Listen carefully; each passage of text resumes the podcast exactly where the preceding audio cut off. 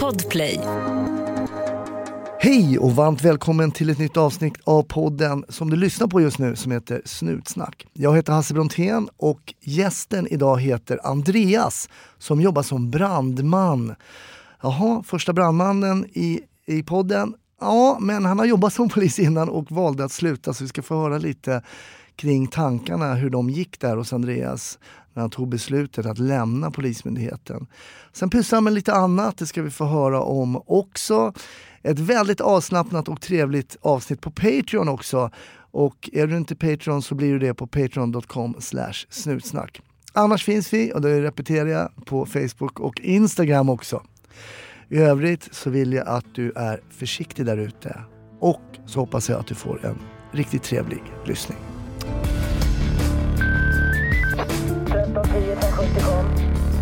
1310 Odengatan kom. Ja, det är uppfattat. Vi tar det. Slut. Bra. Klart slut. Varmt välkommen till eh, Snutsnack. Tack så mycket. Andreas, Jajamän. mm, som, det är ju så att gästerna som flödar in till, eh, till podden Snutsnack kommer ju på lite olika sätt. Eh, människor jag träffar, eh, eh, tips från lyssnarna ska jag säga är väldigt viktigt. Men det här är faktiskt, jag lyssnade på en annan podd som heter God ton. Mm. Eh, och där dök du upp och det var ett intressant samtal. Tänker jag ska försöka hugga Andreas till Snutsnack också. Ja, men kul. Mm, för du har en intressant, dels verkar du intressant som person men för du verkar ha många järn i elden. Mm. Men om vi börjar lite där vid 2004, då blev du i alla fall, kom, klev du in på polisutbildningen. Ja, men exakt. Jag pluggade ekonomi nere i Växjö. Så polis var väl egentligen det jag ville bli. Så ekonomigrejen var väl egentligen bara en sån här plan B om det inte skulle gå. Ja, okej. Men så sökte jag och så kom jag in eh, och så stannade jag kvar i Växjö. Eh, där hade jag träffat min, min nuvarande fru också. Så att, eh, vi har hängt ihop sedan dess. Mm. Så, att, ja, så körde jag två år där i Växjö och sen flyttade jag tillbaka till, till Stockholm där jag började jobba. Mm. Så det var eh, polisutbildningen i Växjö helt enkelt då? Ja, precis. Mm. Hur var den då? Jo, men den var bra. Den var ganska ny. Ja. Eh, Då hade man inte så mycket att jämföra med egentligen. Sådär. Men, ja, men mycket var, det var fräscha lokaler och bra lärare. Och, ja, men det, var, det var riktigt kul. Det var det. Mm. Bra utbildning, mycket praktiskt och sådär som det ska vara. Mm. Ja. Men det fanns, det fanns liksom en tydlig grundtanke om att jag vill jobba som polis i framtiden. Liksom. Ja, jo, det gjorde det. Eh, Men den, har inte alltid, den fanns inte alltid. Det var väl först när jag var kanske, ja, jag vet inte, efter gymnasiet sådär som det dök upp. När jag var runt 19-20. Mm. Ja. Som min, faktiskt, min svåger som, som var polis och som är polis fortfarande, då, han tipsade mig. Han tyckte jag skulle söka till Polishögskolan. Mm. Då började jag kolla upp det lite mer. Och så bara, det här verkar ju kul. Då satt jag så här som 19-åring och jobbade med, var så här pensionshandläggare och, och satt och skyfflade papper. Det var ju så här astråkigt. Så att det var så här, jag måste ju ha något praktiskt jobb. Det här går ju inte. Att, eh, Pensionen det finns ju inte ens i ens tankevärld när man är 19. Nej men exakt, så att det var, nej, det var hemskt. Jag, hade ju, jag sommarjobbade ju där.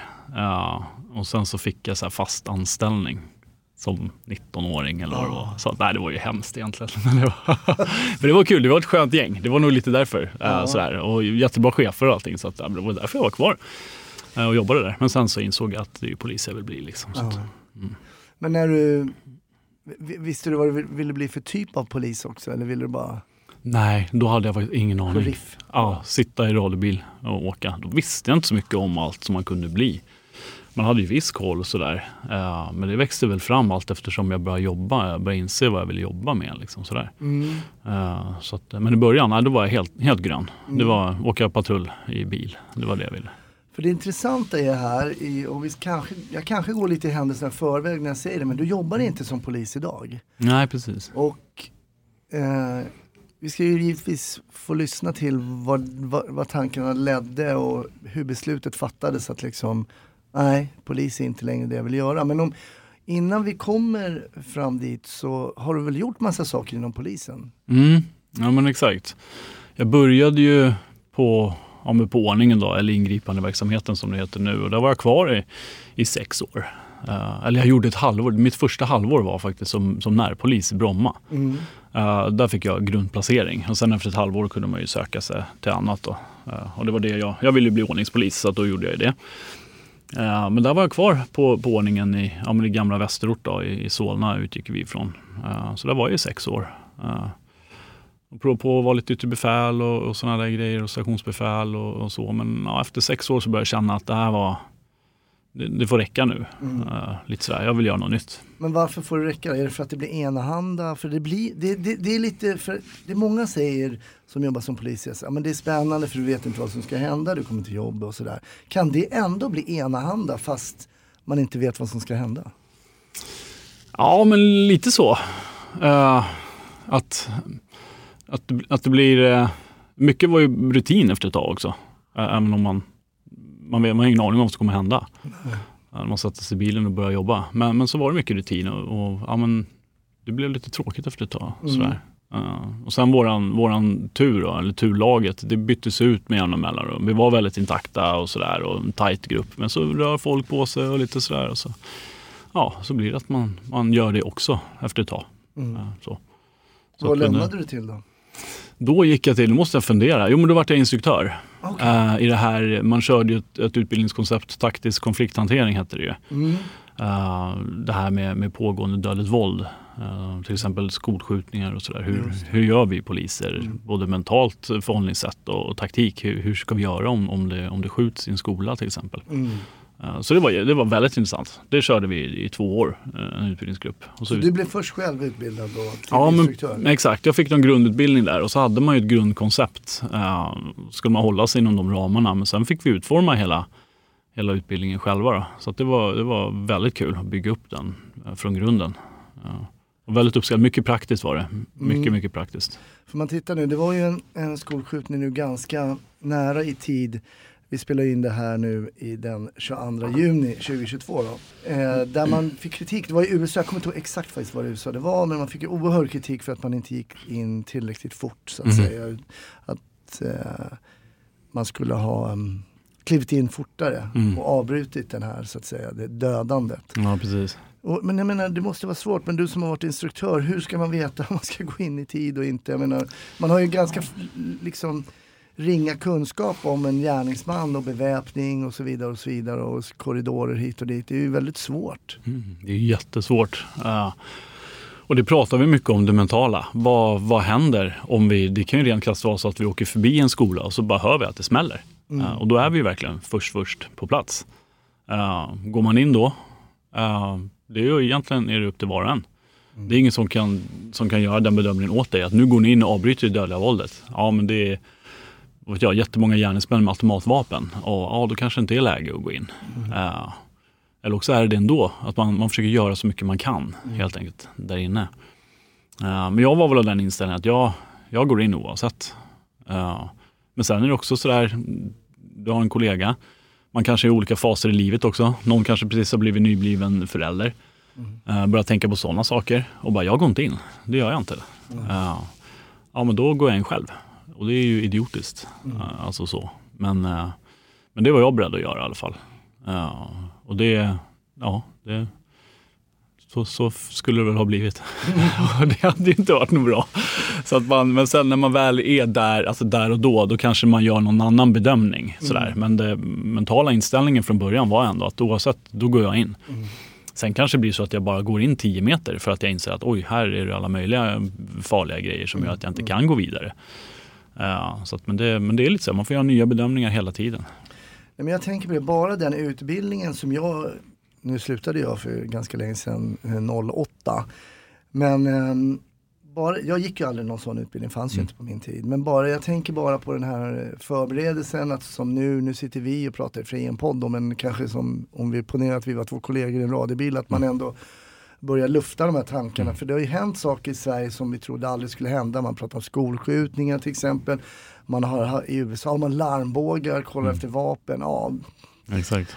Vet, efter ett x antal år så är vi där, eh, och, vilket ju är tragiskt. Ja, ja men verkligen. När man har sett att en viss utveckling följer efter och att man inte kan hindra det. Det ja. är ju sorgligt. Ja, men precis. Ja, men jag förstår att det var spännande och, och med det, den instruktörstiden. Men då körde du den i två år eller? Ja men precis. Det var, en, eh, det var en utbildningsinsats som skulle hålla på i två år. Eh, och sen när den var slut så skulle det bli något nytt som hette polisiär konflikthantering istället. Eh, men då sa vi det i princip, ja, men hela gruppen som körde, att vi, vi, det var ganska slitsamt alltså att köra måndag till fredag och sen mycket övningar och ja, men släpa grejer fram och tillbaka och planera. Det var jättekul men det var, ja, det var rätt slitsamt. Det var det. Och man blir trött av att stå på golvet en hel dag och instruera. Eh, det blir man.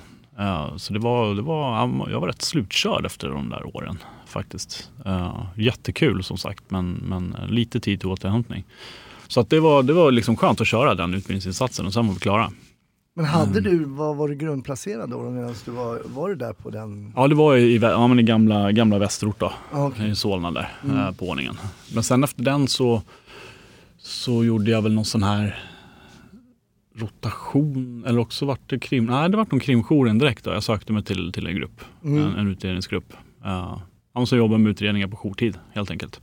Så de jag tidigare grep kan man säga att då började jag förhöra istället. eh, när de satt in i arresten och sådär. Just det, krimjouren liksom är de som tar ärendet som man kommer, om man kommer in med en gripen som sen Mm. till exempel, ja. Så är det krimjouren då så ringer ju åklagaren också Ja. om personen blir anhållen. Och, Precis, så var det i Stockholm i alla fall. Jag vet att på olika ställen så kanske det är just den bilen som eller den, den personalen som har gripit en person, att det är de som håller de här förhören och tar kontakt med åklagaren. Men, men eh, där jag var så var det, det normala var att man lämnade över till krimjouren som, som tog över hela ärendet. Just för att de uniformerade kan åka ut och, och jobba igen liksom, Mm. och ta, ta larm. Det är rätt intressant för det är som två olika jobb där fast det är samma case. Alltså, man kommer Ja. in som ordning, lämnar över. Och vi hade samma upplägg där jag jobbade i Stockholm. Sen tar krimjouren över, tar kontakt med åklagaren. Det är ett helt annat jobb. Mm. Och det följer ju kedjan så pass bra. Det är så här, jag har varit den som, som griper den här personen för det här brottet och nu är jag den som faktiskt förhör och, och tar snacket med åklagaren och ser om den ska bli anhållen eller släppt eller inte. Och så där. så att det, var, ja, det var kul. Intressant. Och ibland skulle, det ju vara bra att göra nästan det, först, det andra först så att säga. Så man vet på ordningen vad den som jobbar på krimjouren vill ha så att säga. Mm, precis. Vad vill de ha för kött på benen när man ska ringa åklagaren för att Ja. få beslut till exempel om husrannsakan eller andra tvångsåtgärder och sådär. Ja, exakt. Och så hade ju vi faktiskt. Vi hade ju så här, de nya poliserna, de hamnade ju på krimjouren. Mm. Eh, men det var väl egentligen mest för att det behövdes folk. Eh, och så satte man dem hos oss. Och på ett sätt var det bra för att de fick just den här grunden innan de skulle sätta sig i radiobil och åka. Eh, men samtidigt så visste vi att de lämnar ju om ett halvår eller nio månader eller vad det blir. Så att den här krimjouren blev liksom aldrig någon fast punkt för, för särskilt många. Det var oftast väldigt mycket nytt folk som man fick lära upp. Och sen när de liksom började verkligen klara sig själva och börja bli rutinerade, då var det dags för dem att sticka och så fick man lära upp nya. Så att det, var, det var lite synd att det var så. Jag tänker nu har det ju gått några år om vi kollar liksom på tidslinjen på din polisiära karriär. Har det börjat komma tankar redan här om att mm, andra yrken finns ju också? Eller är det fortfarande polisjobbet som gäller? Nej, det är fortfarande polisjobbet som gäller. Men, men samtidigt var det lite sådär, vilket spår ska jag välja? Vad vill jag bli för polis nu? Mm. Eh, jag är klar med, med yttre tjänst. Uh, jag gjorde ändå de sex åren, vilket är ganska mycket idag. Uh, jag menar, förr i världen så kanske man var ute i 20 år. alltså det var väl det normala. Men nu, jag vet inte, nu är det väl så här ett och ett halvt, två år och sen så drar man. Eh, så det är lite synd. Det finns Eh, en polis som jag jobbade med lite på Norrmalm eh, som han var ute hela sin karriär Ja, som ordningspolis. ja, det är imponerande. pension. Honom skulle jag gärna vilja ha till podden också. Ja, det är häftigt faktiskt. Ja, det är ju sjukt imponerande. Ja. Men jag började känna där också mot slutet av min ordningsperiod att eh, ja, men efter nattpassen, jag hade svårt att, att somna ordentligt eh, och vakna tidigt. Mm. Även om jag inte fick övertid så ja, men passet var ju slut vid sju på morgonen. Mm. Ja, men hemma i bästa fall kvart över åtta, halv nio. Svårt att somna Mm. Och sen så kanske man bara sov till två eller någonting för att man vaknade. Så att fick ju otroligt lite, lite sömn. Mm. Det var väl lite det som gjorde att jag också valde att kliva på den här instruktörsgrejen. Då. Ja, okej. Ja, just för att jag inte orkade med hel, helnätterna. Där har man ingen aning om när man börjar hur man egentligen ska Nej, tåla det. En del har ju noll problem med det och en del ja, har ju verkligen. kraftiga problem med det. Jag hade ju i början, det var inga som helst problem. Det var ju bara att köra på. Men jag vet inte, man blir väl äldre. Kan vara, Det är kan ju något sånt. Nej men där på, där på krimjouren i alla fall, det var lite så här, var, ja jag var där, jag trivdes men, men jag var väl inte riktigt helt hundra vad jag, ville, vad jag egentligen ville fortsätta att göra. Uh, var kvar på, kvar på krimjouren resten av karriären, det, det kände jag att jag inte ville. Då. Utan det var kanske någon så här förundersökningsledare eller om jag ska bli utredare på grova brott eller något sånt där. Då. Men, Men då valde jag förundersökningsledarspåret då, och blev det. Mm. Och det var kul. Då vart man lite mer spindeln i nätet och, och hade den här kollen, övergripande kollen. Precis, och då Mm. också möjlighet att fatta beslut också i vissa ärenden om, Ja. om tvångsåtgärder och sådär också. Ja, exakt. Nu blev det inte jättemycket sånt i och med att det var just på den här krimjouren. Så att då, då var det åklagaren oftast i och med att man förhörde ju de ja, gripna personer och då ska ju åklagaren kontaktas och då blir ju den förundersökningsledare. Mm. Ja, så att, eh, men det var väl mer att man var ja, men arbetsledare och spindeln i nätet och jobbade med utredarna och ja, man hade koll på alla ärenden som kom in och man jobbade tajt med, med utredarna och man visste att den har det här ärendet och den har det här och den har det här. Så jobbade vi tillsammans och ja, det, var, det var jättekul. Men, men sen kom ju 2015. Ett poddtips från Podplay. I podden Något Kaiko garanterar östgötarna Brutti och jag, Davva, dig en stor dos skratt. Där följer jag pladask för köttätandet igen. Man är lite som en jävla vampyr. Man har fått lite blodsmak och då måste man ha mer. Udda spaningar, fängslande anekdoter och en och annan arg rant. Jag måste ha mitt kaffe på morgonen för annars är jag ingen trevlig människa. Då är du ingen trevlig människa, punkt. Något Kaiko, hör du på Podplay. Därför är gardinerna. Ja, precis. 2015 sker ju en omorganisation. Ännu en, kan man väl säga. Ja. Så kom ju, de kom, när det, saker och ting börjar sätta sig lite så här, Ja. så är det alltid någon ny, då, är det en ny kull chefer som, Ja, eller så. politiker som tycker att vi ska göra Just Ja. det, vad händer då 2015 i organisationen och med dig då? Mm, ja, men det som händer är att det blir total kaos. Det är, ja, det är nästan helt sjukt hur, hur det blev faktiskt. Det var så rörigt så att man visste ju ingenting. Sen är det ju så här, och det har jag ju sagt förut, att en omorganisation på en sån stor myndighet, det är klart att det tar tid innan det sätter sig. Det är ju inte som att det blir så bra på en natt, utan Nej. det tar ju flera år. Men nej, det här det har inte blivit bra än. Sådär då. Men just hos oss på, på krimjouren där så då gjorde man ju ytterligare en omorganisation på själva sektionen. Eh, Så att det vart ju jätterörigt. Man slog ihop Sollentuna med Solna. Gjorde om, ja, men min tjänst vart ju helt omgjord. Jag började göra sådana saker som jag inte ville göra. Ah, Okej, vad kunde det vara? Ja, men det var, då vart man mer som ett stationsbefäl, eh, eller arrestbefäl kan man väl säga. Och, ja, men gå ut och så här förmanspröva gripanden.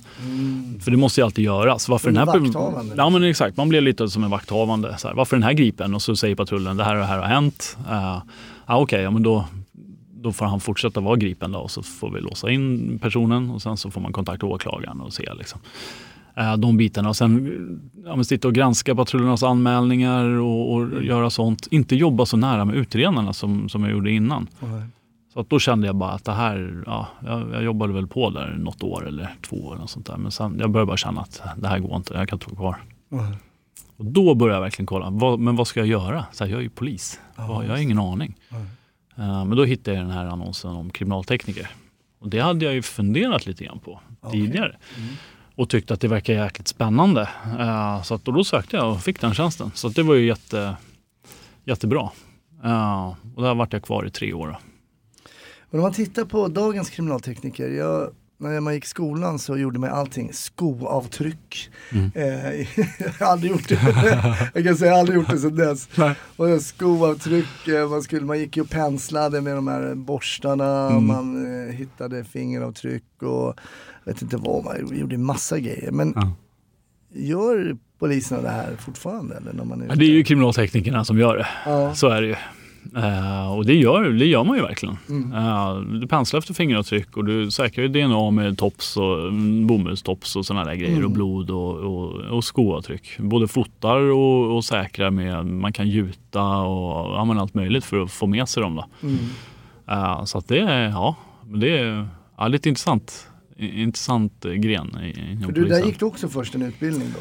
Ja, jag började jobba ett år eh, för att få lite praktik och, och gick bredvid kan man ju säga. Mm, Så det var, det var faktiskt riktigt bra och hade en, hade en kollega som, som var min mentor. Så, och då, för man åker ju två stycken i Mm. patrull, men nu var vi ju tre då. Eh, så körde man ju så i, i ett år ungefär. Eh, och sen så var det dags för utbildningen. Och så var den ett år ungefär. Och sen så vart jag helt klar, om man säger så. Mm. Jag började jobba, jobba själv i patrull med, med en annan. Mm. Eh, Så det är en gedigen utbildning, absolut. Och det är mycket att hålla koll på och hålla reda på vad man kan göra och Ja, vilka spår som är bra och vilka är sämre och allt sådär. Man har ju Ja. sett CSI. Exakt, det är exakt som CSI. Det är det va? Jajamän. Jag kan tänka mig det. Alltså. Man bara håller upp ett hårstrå och bara, här har vi det. Ja, och så bara DNA en kvart senare, bara, ja men det är han. Ja, bara lägger det i datorn. Ja, jag visste. Så På datorn. Ja, ja, så dyker det upp. Men just det där är väl också en, en grej att vissa saker kan inte polisen kolla, DNA och, och sånt där. Det måste ni ju skicka vidare. Ja, men exakt. Då skickar vi till NFC då, eh, Nationellt forensiskt centrum i Linköping, ja, när det gäller DNA och sånt där i alla fall. Mm. Och så analyserar de det och så får vi tillbaka svar då, eh, vad det kan vara. Antingen så har de hittat någon profil eh, och finns den i systemet eh, registrerad så får vi faktiskt ett personnummer. Mm. Gör den inte det så ja, då har vi en okänd pro- profil. Man kan i alla fall säga om det är man eller kvinna och sådana där grejer. Då. Mm, mm. Så det, ja, det, det, det är bra. Enda problemet med NSC där är ju att de har ju sådana galna väntetider. De, Men har, jag tänkte ju säga, vad är ledtiderna liksom på... de har ju fruktansvärt mycket att göra. De, de jobbar ju Alltså de som jobbar där är ju underbemannade och de gör ju sitt bästa såklart. Men det är ju helt omöjligt när, jag tror, har de 5300 ärenden i kö tror jag, som bara ligger och, och väntar. Eh, Det är ju för mycket, det går ju liksom inte. Eh, Så Men jag de, tänker också på utredare, om man sitter som en utredare och väntar på eh, ett besked i Mm. någon teknisk del som de eh, ska liksom hjälpa till med och så Mm. bara tar det tid, tid, tid, tid. Ja. tid. Man tappar ju geisten också, tänker jag. Som, det, det går ju många led. Liksom. Ja, men man gör ju det. Och sen är det ju just det att man kanske vill ha reda på saker och ting ganska snabbt. För Mm. att just det här DNA, om, om, vi får, om man får en träff på den, då kanske man kan jobba vidare i någon riktning. Mm. Uh, men, men får man en träffen efter två månader, då kanske den riktningen, det kanske är för sent. Uh, så att man vill ju ha det så fort som möjligt. Uh, men tyvärr är det inte så. Det ska ju vara så här extrema, extrema fall där det kan gå väldigt snabbt och få någon form av förtur i förturskön. Alltså sådana grejer. Men, men ett, En politiker som blir skjuten. ja, ja, lite så. Mm. Då, då går det undan. Oj. Hur påverkade det här? Påverkade det ditt, eh, din arbetsmoral eller din, liksom att... Ja, men det gjorde det. Eh, och, och just det här att vad, vad, vad är det som händer? För man, man gjorde om kriminaltekniken där också. Eh, för tidigare, när jag började då, ja, men för tre och ett halvt år sedan eller vad det blir, då, då gjorde vi fortfarande så här labbgrejer. Mm. Alltså säg att du gör en undersökning i vad vet jag, en lägenhet och så har det skett ett brott och så har det varit fest och så är det massa ölburkar som står där. Ja. Och så vill man veta vilka har varit i den här lägenheten. Ja, men då kanske man tar 20 ölburkar. Eh, och så börjar man kolla efter fingeravtryck och sådana där grejer. Eh, och då, gör, då gjorde vi det. Eh, vi börjar pensla och så om vi hittar några då säkrar vi fingeravtrycken och kanske skickar ner till NFC. Eh, men nu ska inte kriminalteknikerna och poliserna då göra någon labbverksamhet. Så vill man verkligen ha fingeravtrycken då skickar man ju ner alla 20 burkar till NFC som ska göra det. Säkert populärt. Ja men exakt. Och då blir de sura för att de får jättemycket mer att göra när de redan har så mycket. och då är det så här, ja men varför kan inte polisen bara få göra den här labbgrejen? Och varför kan inte polisen få göra det? Ja, jag vet inte. någon har fattat ett beslut. Någon har fattat ett beslut som gjorde att NFC, polisen skulle sköta fältverksamheten. Det var väl det som var sagt. Och NFC all labbverksamhet. Ah, okej. Det var väl det som var sagt då. Och det, ja, jag vet inte, det rimmar ju lite illa. De har så mycket att göra så att, ja men vi gör så här så vi får ännu mer att göra. rätt. Nej, det är inget bra. Okej, kriminaltekniker och var är du nu då i tankebanorna? Jag gillar det. Eh, det var kul, utbildningen var helt fantastisk. Eh, och så jobbade jag och tyckte det var roligt. Men där, jag börjar ju känna där efter ett tag att det blir för mycket. Sådär. Bör, och så börjar man känna av, man är ute och rör sig ganska mycket i, i verksamheten och i Stockholm. Man är på olika stationer för att vi hade ju så här beredskap var sjunde vecka. Eh, eller helgberedskap rättare sagt var sjunde vecka. Så då körde man ju fredag, lördag, söndag. Eh, eller går på beredskapen fredag eftermiddag och så kliver av måndag förmiddag. Så hela helgen har du och då har man hela Stockholm som upptagningsområde. Så då var man lite här och var i Stockholm och träffade kollegor och sådär. Och så börjar man ju inse när man pratar med utredarna när man har något stort case att, att de går ju verkligen på knäna. Det är allihopa. Det, det är så mycket så att det är, och grova brott som ska hålla på med, med egentligen bara grova brott. De är så upptagna med skjutningarna så de hinner inte med andra grova brott som de lägger ner på utredare som då ska hantera andra brott. Men så får de grova brott där man kanske ska vara flera och jobba för att det är ganska komplext. Men då sitter de där själva, utredarna, och har hur mycket som helst. Wow. Och det är liksom sådär, det blir, det blir inget bra. Det, nej. Nej men det där låter ju som en, eh, verkligen som en ond spiral. Vi pratade ju om balansen redan på min tid. Att det låg, och balansen då för er som inte är poliser var ju den högen liksom som inte är, är, är färdigbearbetad än. Och jag menar om man har så mycket på NFC, man har så mycket eh, som tekniker, man har så mycket som utredare och det bara läggs på hög. Det blir ju demoraliserande också. Ja men verkligen. Och det, det blir ju så här, och även vi kriminaltekniker hade jättemycket. Uh, och sen så är det poliser runt om, ja, men överallt som, ja, man- de har så mycket så att man går in i väggen och blir utbränd. Liksom. Uh, får utmattningssymptom och sådär. Jag menar, som kriminaltekniker och var ansvarig för flera mord uh, och sen åka ut på en beredskap uh, en helg. Uh, alltså det är ju inget bra. Det enda man tänker på då det är ju så här, hoppas det inte händer något för jag hinner inte. Jag har ju det här och det här att ta hand om. Eh, och sen så är ju kriminalteknikerna, i alla fall i Stockholm, väldigt underbemannade. Så att hela den enheten eller sektionen med, med de som jobbar i fält, då, de, de överlever ju på grund av att man jobbar över så pass mycket. För så fort du får jobb om, på den här helgberedskapen till exempel, då får du ju övertid om du går in en lördag och jobbar. Eh, och när man hade kommit över vad var det, 150 timmar övertid på ett år, då måste du skriva på ett papper där du liksom godkänner att jo, men jag kan jobba mer. Eh, annars kan de inte kommendera. Det var väl lite i den vevan som jag började känna så att det är rätt mycket. eh, vad får vi tillbaka? Och varför ska vi ställa upp och må dåligt när vi har så här mycket? Så jag frågade ju då, så här, men vad händer om jag inte skriver på då? För jag kanske inte känner att jag orkar och jag vet att det är jättemånga som inte orkar. Och då, då är det så här, ja men då får ju någon bli kommenderad. Då blir någon av kollegorna kommenderad att ta, ta mitt pass den helgen. Då. Och det är så här, ja men då, det är klart jag skriver på för jag kan ju inte göra det här mot mina kollegor. Åh, det blir nästan så, ah, det blir eh, någon som, får man säga dåligt samvete, det är sån Ja, moralisk. ja eh, men exakt. Så att det, det blir ju inget bra. nej. Ja, så att, och jag vet, nu kommer jag inte ihåg, men det bara några år tidigare, eller fem, tio år kanske, då, då var det ju så här helgberedskap kanske var, var trettonde vecka har jag för mig någon sa. Och då är det ju mer sällan, för det är ju då man får de här grova brotten. Man jobbar en hel helg, alltså det är ju klart du får mycket ärenden att jobba med. Ja. Märker du skillnad bara, du pratar om ett mord, alltså bara när du började kontra när du slutade? Ja, det är jätteskillnad. Alltså det här skjutvapenvåldet är ju helt galet vad det har eskalerat. Ja, ja, ja. När jag var på ordningen, jag var ändå i sex år och sett och hört det mesta. Men någon skjutning, det var ju sällan man, man var på det. Ja, det kanske var ett par gånger max eh, på sex år. Mm. Men nu känns det som det är ju hela tiden. Efter kriminalteknikarbetet då? Mm. Vad hände då? Nej, men jag började känna där eh, att eh, nu, nu, fick det, nu började det räcka. Eh, jag hade ju rätt svårt att somna där och jag, jag låg och tänkte mycket på ärendena och sådär och så kände jag att jag, jag kan inte vara kvar här. Det går inte. Eh, plus att jag gick faktiskt ner, jag fick gå ner i tid eh, så jag jobbade bara 60 procent.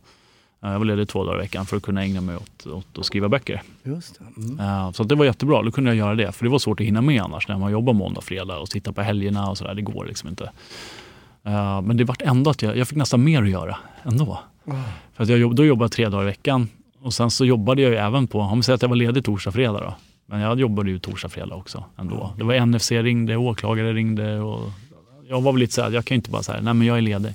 Ja, jag fattar. Utan det kanske var grejer som skulle göras i vissa ärenden och utredarna ville veta saker för att kunna jobba vidare och då kändes det så fel att vara ledig. Liksom. Så det var ju ofta jag satt i telefon när jag egentligen skulle sitta och skriva. Då. Mm. Så att, eh, ja, men då kände jag det vart, det vart för mycket. Eh, och sen så ja, men hela, hela, hela sektionen och Polismyndigheten i övrigt med, med hur allting sköts. Så jag kände bara, nej men nu får det vara nog. Och så spillde jag väl lite galla över polisen för en polare som är, som är brandman. Så han var så här, men sök till oss då. Då var det verkligen så här, jag bara, ja, varför inte det? För det minns jag när, när jag var på, på ordningen där och man hade någon insats, någon brand eller någonting och så kom brandmännen och så gjorde de sin grej. Då, jag minns flera gånger, då stod man där och bara, fan man kanske skulle bli brandman. Men var, det, var, då var det så pass, var det på organisationen, var det på, alltså du nämnde det här med sömnen, vad var det som Mm. ändå gjorde att du sa, ja men, du hade ju ändå så att det fanns ju en, en ganska stark tanke om polisyrket då när du var där 19 och Mm. eh, vände pensions... Exakt. Ja. Och sen då bara, nej men okej jag skiter i det här. Ja, men det blev lite så här, vad... Det händer ju ingenting, det blir ju inte bättre. Jag såg ju bara en nedåt, nedåtgående spiral. Vi kommer inte hämta oss från det här inom många, många, många år. Eh, och nej, men allmänt bitter. Jag kände mig själv så här, jag var inte den vanliga Andreas som jag, som jag brukar vara. Eh, och det där är så tydligt för att jag, jag, jag fikade med en kollega jag minns inte när det var, om det var när jag hade fått tjänsten som brandman eller om jag hade börjat. Nej, det var nog när jag hade fått tjänsten. Uh, och då hade hon, det var en gammal kollega på kriminalteknikerna. Och så, så sa hon så här dagen efter att vad kul det var, du var så glad. Liksom. Lite så. Uh, och det är det är ett ganska tydligt tecken på hur man, hur man mådde och hur man var. Ja. Men just det här med och, ja, men om, omorganisationen, den, den lever fortfarande kvar, det kaoset. Men Ja. 2015, den omorganisa- omorganisationen gjorde ju att polisen skulle komma närmare medborgarna. Mm, ja men precis, det gjorde man ju inte direkt. Så jag, jag vet inte riktigt var man fick det ifrån. Om det var någon, någon där uppe som hade kommit på något så smart Bara att säga. sägning. Ja, bara, det låter ju bra men det vart ju helt fel. För det var ju så här, ja, men du tar en massa polisstationer runt om i landet. Ja, men I ytterkanterna kan man säga av storstäderna och så lägger man ner dem och så flyttar man in allt centralt. Och så kommer vi närmare medborgarna. Och det där fick man aldrig något svar på. Hur menar ni? Nej, men och så något politikersvar. Liksom. Så man sa, ja men alltså vi kommer ju inte närmare medborgarna. För då blir det som så här, ja men, ja men som i Värmdö, då la man ner den i Gustavsberg och så flyttar man in dem centralt i, i eh, Nacka strand då, som då får ett jätteupptagningsområde med hela Nacka och Tyresö och Värmdö. Ja, men det, är Stort. klart att, det är klart poliserna inte är lika mycket ute på Värmdö då, med den problematiken som finns där. Eh, så att, eh, nej, det, man kommer ju definitivt inte närmare medborgarna. I förra avsnittet snackade jag med Filippo och då berättade ju han när de fotpatrullerade. Ja, Har du fotpatrullerat någon? jajamän. Centrum, torg, gator. Ja. Ställer bilen och så tar man en sväng. Hur ofta ser man fotpatrullerande poliser idag? Aldrig. Ja, det är jättesällan. Jag tycker poliser på gatan ens ser man ju inte. Det är ju det. Och det är därför jag, jag är väldigt för att vi ska bli mycket, mycket fler poliser. För det är ju bara att tänka så här, ja men, ja, men tänk en 70, en 70-väg, trafik. Ja, det är inte många som håller 70. Man kanske kör i 80, 90 eller någonting. Men ligger det en polis i höger körfält och kör i 70, då ligger man ju och kör i 70. Så är det. Det gör man ju. Eh, Och det där gäller ju alla brott eh, egentligen. Är det poliser på gator och torg, om då kanske man inte slår ner och rånar den här personen för att det finns faktiskt en polis runt hörnet. Ja. Så mycket handlar om förebyggande också och visa upp polisen. Och det är en av grund eh, uppgifterna egentligen för polisen är ju att förebygga brott. Ja men exakt. Och det är ju svårt när, när de inte syns. Men jag tänker då när det här beslutet, när du tog det här beslutet och var less på eh, omorganisation och, och allt sånt där och att du kände att det inte funkade. Vad, vad fick du för reaktioner hos kollegorna som sa så här, men jag kommer sluta, jag har sökt, eh, jag ska bli brandman. Ja, men många var ju väldigt glada för min skull och bara, jag förstår. Ja, många har ju sagt, jag önskar jag kunde sluta också, men jag har inget att falla tillbaka till. Eh, jag har ju lite, lite folk, eh, man har lärt känna ganska många som sådär och, och försäkringsbranschen och, och, och så finns det ju jobb. Men jag kände, jag, jag kan inte, nej, men jag vill inte göra det. Jag vill ha ett mer praktiskt yrke och vara ut, ute mer. eh, sådär. Så att, då vart det just brandman. Men många är, många är där att de vet inte vad de ska göra mer än att vara polis. Kommer poliser till någon form av point of no return? Att man liksom, när man har passerat ett visst streck, det, kan vara, det strecket kan väl vara olika för men till exempel kan det vara ålder. Så här, jag, jag är 55, jag är kriminaltekniker. Vad, alltså arbetsmarknaden är död för mig. Nu är det bara liksom statsanställd som polis, bara jobba av det här till pensionen. Liksom. Ja, men jag tror det. Det är nog inte helt eh, omöjligt att det är så. Eh, det är lite så här, vad, men jag, är, jag har ju varit polis hela livet, vad ska jag göra annars? Jag kanske inte vill det här till 100 procent, men ja, ja, som du säger, vi, vi harvar på och sen tar jag pension, går jag i pension. Liksom. Men hur kändes det att lämna in brickan då? Det kändes, tyvärr ska jag faktiskt vilja säga att det kändes egentligen, jag var helt likgiltig. Du var det? Ja, jag tänkte så här, efter 16 år eh, måste vi känna någonting. Men det var mer så här skönt. Och det, det är ju inget bra. Nej. det säger ju väl en hel del om hur organisationen eh, har varit. För alltså, jag trivdes ju på jobbet med kollegor och allting sådär runt omkring. Men det var just själva ja, men hur det sköts. Att, ja, men det, Har myndigheten när du innan du gick, gick så att säga, har de hört av sig? Så här, är det någonting du tycker att vi ska förbättra eller? ja, inte myndigheten så, men jag hade ett sånt här avslutningssamtal men på min sektion. Eh, så det var väl mest sektionen. Eh, och där hade jag väl ett och annat att säga. Mm. Eh, och sen om det har blivit någon förändring, det tror jag inte. Men jag fick i alla fall säga det jag ville säga. Okej. Mm. Och det mottogs ändå ganska väl, så det kändes bra. Det var skönt att ha, ha det där. Då. Men ja, jag vet inte om det ledde till något. Men finns det någon form av besvikelse? För jag menar när man kommer in, man har ju liksom eh, man ska rädda världen och eh, du vill ju bara åka eh, polisbil och sådär och sen ser man de här åren liksom. Du Mm. kanske tappar lite geist, du byter, du blir instruktör. Eh, finns det någon, någon bitterhet att det liksom, någon bes, alltså, finns det en besvikelse över att det inte riktigt kanske blev som planerat? Ja, men det, lite så är det ju. För jag, menar, jag trivdes ju bra eh, fram till omorganisationen egentligen. Så att ja, men vi låtsas att inte den hade skett. Då, då hade jag, ja det var inte helt omöjligt att jag skulle fortfarande vara polis. Tror jag. Sen kan man ju inte skylla allt på en, en omorganisation så, men, men den var så pass stor så att det, det hände så pass mycket som blev fel. Och vi lever kvar där fortfarande nu efter sju år. Att Polismyndigheten har inte hämtat sig från den, tycker jag i alla fall. Om du skulle få ändra några vitala, kanske bara någon punkt, någon, en eller två punkter lite så här. Vad, vad, vad skulle det kunna vara? Ja, men till exempel ut med, med alltså behålla polisstationerna ute i landet och i, ja, men i förorterna och glöm den här centraliseringen. Bättre att ha satellit eh, polisstationer, tycker jag. För där är det ju verkligen, har du en på, ja, men, ja, men, återigen Värmdö, Gustavsberg, ja, men ut där och gå på torget då. Och visa upp dig. Eller åk, åk till andra ställen och, och parkera och, och gå runt. Och, och sen så, är man, och så har man sitt område och där, man, där man jobbar. Det, det tror jag stenhårt på. Just med det här förebyggande. Då. Den om, omorganisationen var ju när jag, det var ju närpolisen började ju, när, närpolis, att man skulle komma, då kom man ju, då gjorde man ju, då tryckte man ut lite de här mindre. Mm. Ett poddtips från Podplay. I fallen jag aldrig glömmer djupdyker Hasse Aro i arbetet bakom några av Sveriges mest uppseendeväckande brottsutredningar. Går vi in med hemlig telefonavlyssning och, och då upplever vi att vi får en total förändring av hans beteende. Vad är det som händer nu? Vem är det som läcker?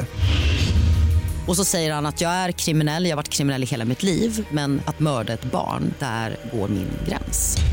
Nya säsongen av Fallen jag aldrig glömmer på Podplay.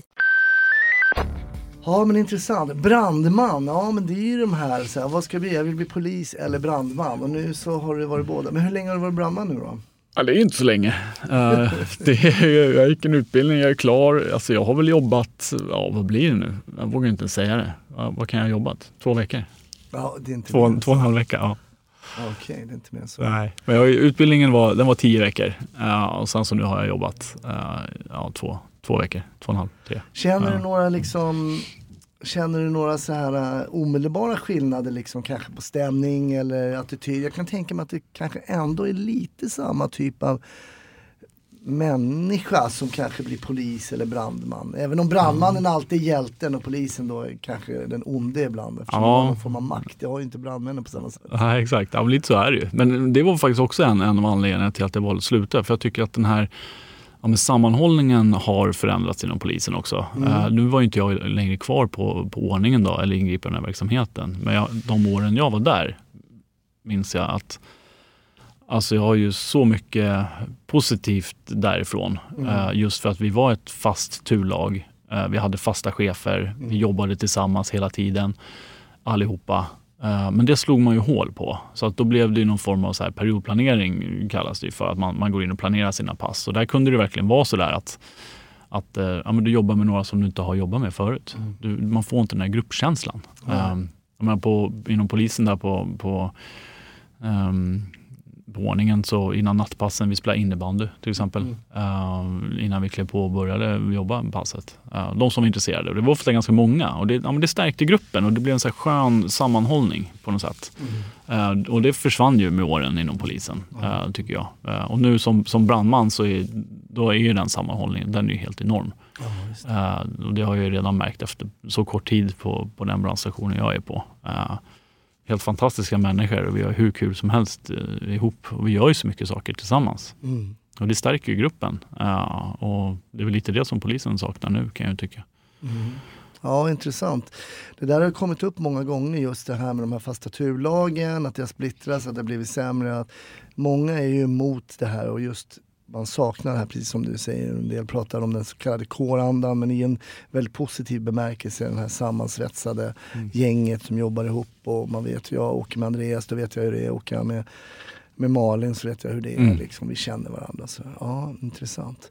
Jag brukar ju alltid ändå trots att du har slutat nu så ska jag ändå fråga om ett minne från eh, den polisiära tiden som sitter kvar hos dig Andreas. Ja. Sen, eh, om, ja, vilket minne som helst. Vad, vad har du där?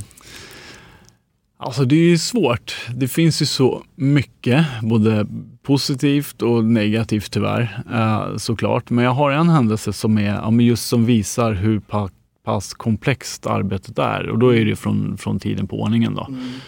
Eh, när man kommer till jobbet och du har ingen aning om vad som ska hända. Man, man sätter på sig utrustningen och, och allting och sätter sig i radiobilen och så åker man iväg och så får man något jobb. Eh, så du har ingen aning om vad som ska ske. Eh, och då jobbar jag eh, en eftermiddag kväll var det väl. Eh, och så får vi ett jobb om att det är en mamma som ringer in. Jag tror att det är mamman. Jag minns inte detaljerna så Nej. runt omkring det för att det var så länge sedan. Men, men det har varit någon form av stök i lägenheten. Om det var hennes son som hade ja, men löpt amok liksom och, och kastat möbler och allting. Men hon var livrädd och hade flytt ut i alla fall. Eh, så att vi mötte upp henne på innergården. Hon berättade det här för oss då om, om sonen. Eh, och då ska vi upp och ja, göra någon form av åtgärd. Vi vet ju inte exakt vad det är som har hänt. Utan vi måste ju kontrollera. Eh, han kanske är skadad. Eh, finns det några fler där inne? Han kanske är hur lugn som helst. Finns det vapen? Ja, vi, vi vet ingenting. Vi ska liksom in och, in och kolla läget och så får man göra en bedömning vad som ska göras. Han kanske ska gripas. Eh, har han gjort illa sin mamma? Eh, jag tror inte det, för att hon hade inga skador och sådär vad jag, vad jag kunde minnas. Då. Men det var, hon, var bara, hon var bara väldigt rädd helt enkelt. För, för, och det fanns eventuellt någon missbruksproblematik och sådär. Men han var var inte, för ålder på honom? ja, men han var inte gammal. Min, han, kan, han var i tonåren, men kan han ha varit 16? Mm. Sånt där, 15-16. Um, men så går vi upp till lägenheten och så öppnar vi dörren. Ah, och då står han i hallen, typ 5-6 meter framför oss, med en kniv mot halsen och säger att han ska skära halsen av sig själv. Uh, och då är det lite grann så här, ja, som polis, vad, vad gör du? Det är inte som att man så här vänder sig till kollegan och bara, oj, hur ska vi göra nu? Nej, det Utan det blir, man får ju fatta ett beslut på en millisekund. Liksom sådär. Och, och så får man göra en, en, eh, en bedömning. Hur ser det ut? Ja, men då har vi dörren öppen. Han står där. Han är ingen fara för oss just nu. Vi har ju en dörr emellan. Som vi, skulle han göra en rusning så kan vi stänga dörren eh, och ta skydd bakom den. Eh, för vi vill ju inte skjuta. Det, det är liksom inte mot oss som han hyser något agg emot egentligen. Nej. Eh, Så att han står där och trycker kniven mot halsen och säger att han ska skära, skära sig själv. Då. Eh, Men då, då står vi kvar i dörröppningen och jag börjar snacka med honom. Exakt vad jag säger, ingen aning. Eh, Ganska mycket fokus på den där kniven och om han gör någonting. Och tankarna börjar ju liksom, tänk om det inte går, tänk om jag måste skjuta honom, om du skjuter honom i benet. Alltså allt det där tänker man ju på medan man, man pratar med honom. Eh, men sen efter ett tag så, så blir det att han lägger undan. Han lägger ju ner kniven och gör som vi säger och backar. Och vi är lugna hela tiden och verkligen pratar med honom och sådär. Sen så tar vi med honom helt enkelt. Han följer med. Eh, och vi åker väl till, till eh, eh, psykakuten blir det ju, på Sankt Göran där han får prata med någon. Eh, och vi sitter i bilen och snackar fotboll. Han gillade Karim Benzema kommer jag ihåg. Alltså sådana grejer. Och det är rätt, det är en rätt eh, ja, men häftig grej. Att det blir, man, vet, man har ingen aning om hur, hur situationen kommer lösas eller vad man ställs inför. Nej. Och så ska man ta det där snabba beslutet snabbt, snabbt, snabbt. Eh, så att, då, som tur var gick det ju bra den här gången. Mycket, man kan nästan se det som ehm, en röd tråd liksom. Om mina gäster är då en spegling. De är ute som poliser i det svenska liksom, eh, samhället. Sådär. Så det är mycket sådana här case där folk mår dåligt och vill Mm. hoppa och vill göra det och det. Och Mm. det är ju väldigt sorgligt egentligen. Och Mm. Kanske inte riktigt, det är klart att det är polisiärt arbete när någon har kniv och sådär men att må dåligt är ju egentligen en, en, en arbetsuppgift för sjukvården. Ja, men Mm. precis. Exakt. Var, mötte ni på eh, sånt ofta, att folk mådde dåligt? Och... Ja, men det var jätteofta. Absolut, det var det. Eh, verkligen. Och där kände man sig väl också hyfsat maktlös. Att ja, men någon mådde dåligt och ville ta livet av sig och så sitter den personen och kanske pratar jättemycket om det här med, med mig. Då. Mm. Och så åker man till sjukhuset och sen så en timme senare så är den personen ute och knallar på gatan. Mm. Eh, vi hade ju faktiskt en sån som, som på olika sätt berättade att den ville ta livet av sig. Dels med handling också faktiskt när vi träffade på den personen. Det var så pass illa att vi fick brotta ner den och, och säkra upp den för att han inte skulle ta livet av sig. Då. Och så in till, till sjukhus, blev utskriven och hängde sig dagen efter. Ja. Så att det är lite så här, vad, vad krävs? Vad, vad, vad måste sjukvården göra för att det, inte det ska hända? Så att, ja, svårt. Men jag tänker på brandkåren ibland så, eller som brandman och räddningstjänst liksom. Det har ju varit väldigt skönt tycker jag ibland när man har varit på trafikolycka till exempel så kommer brandkåren och så får man stå där istället och, och vifta på bilar istället för att bända loss folk liksom Mm. ur en havererat fordon liksom. Mm. Ehm, hur känner ni för de grejerna? Det blir också, det blir liksom väldigt hands-on.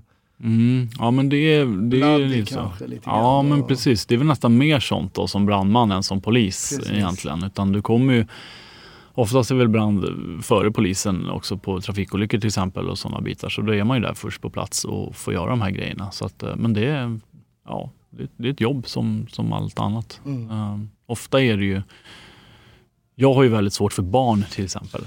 Alltså avlidna barn, det är ju fruktansvärt. Men, men när man väl är i situationen och jobbar med det, så då kliver man in i rollen på något sätt. Mm. Uh, utan allt det här kommer i efterhand.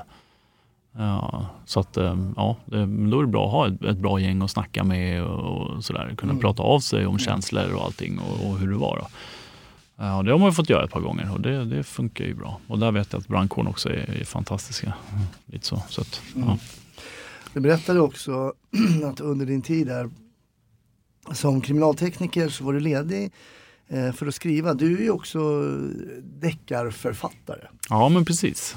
Vad heter din första bok?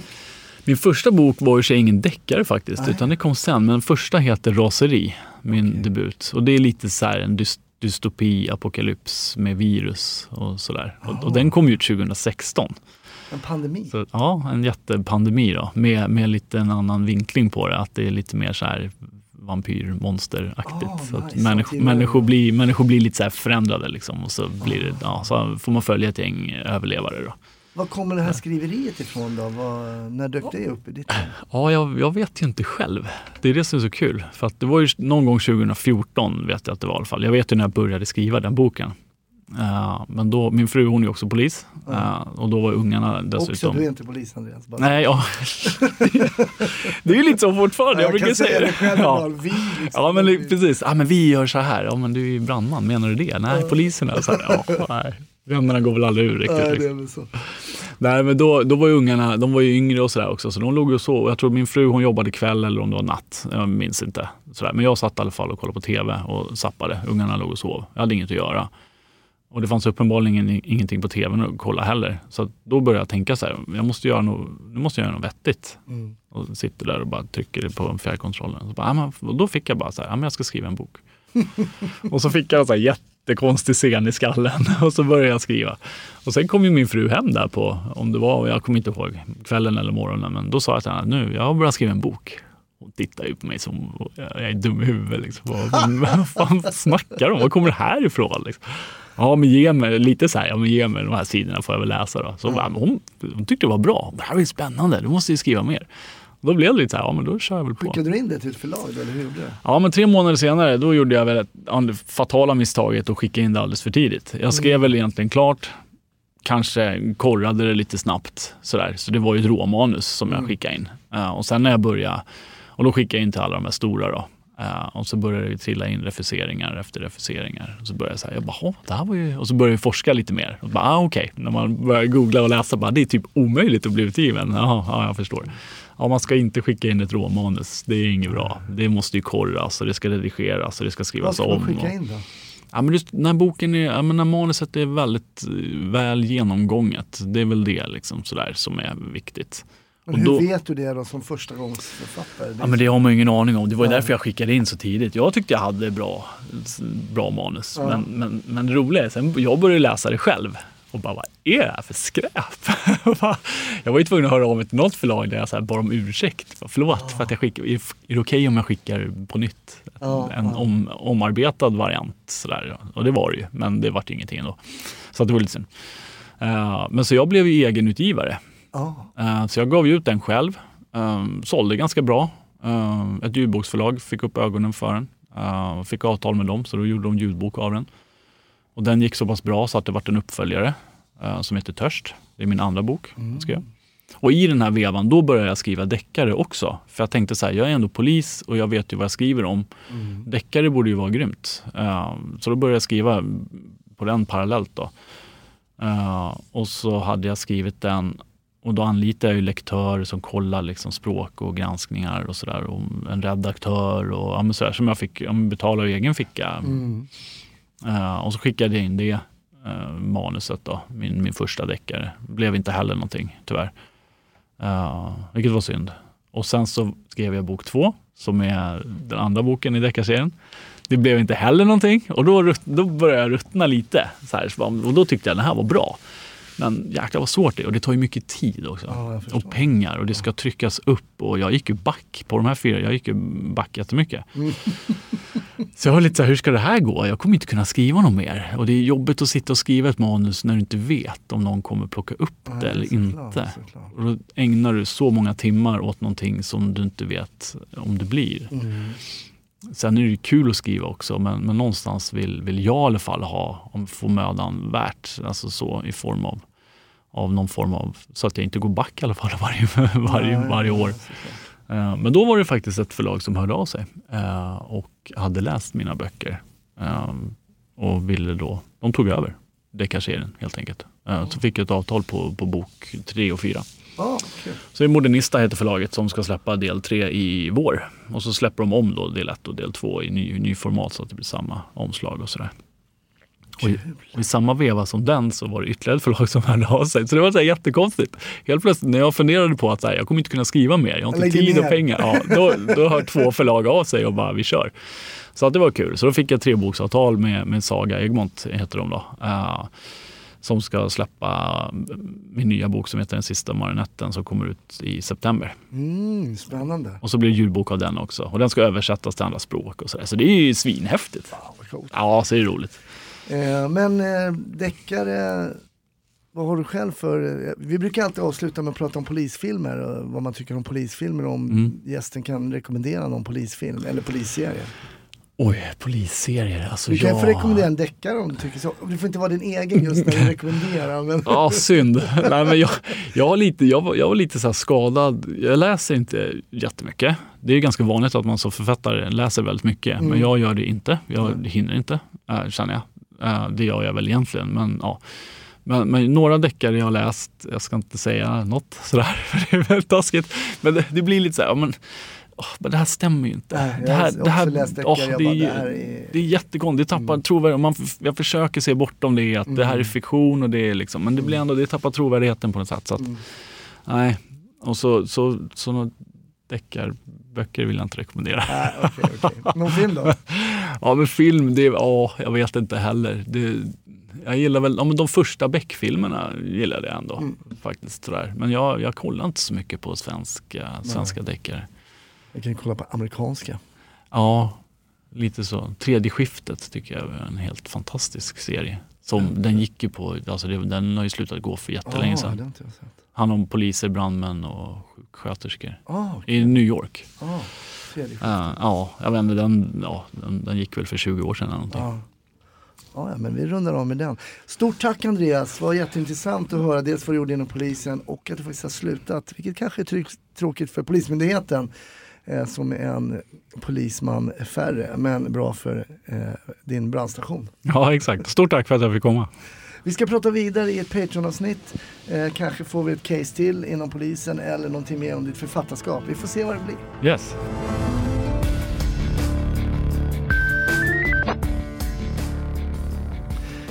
Tack! Ja, det här avsnittet är slut. Eh, så blir det. Men du vet ju att det kommer ett nytt i nästa vecka med en ny gäst. Vi finns på sociala medier, hoppas vi hörs där. Du kan bli Patreon, ta del av bonusmaterial på patreon.com snutsnack. Ha det fint, så hörs vi. Hej då!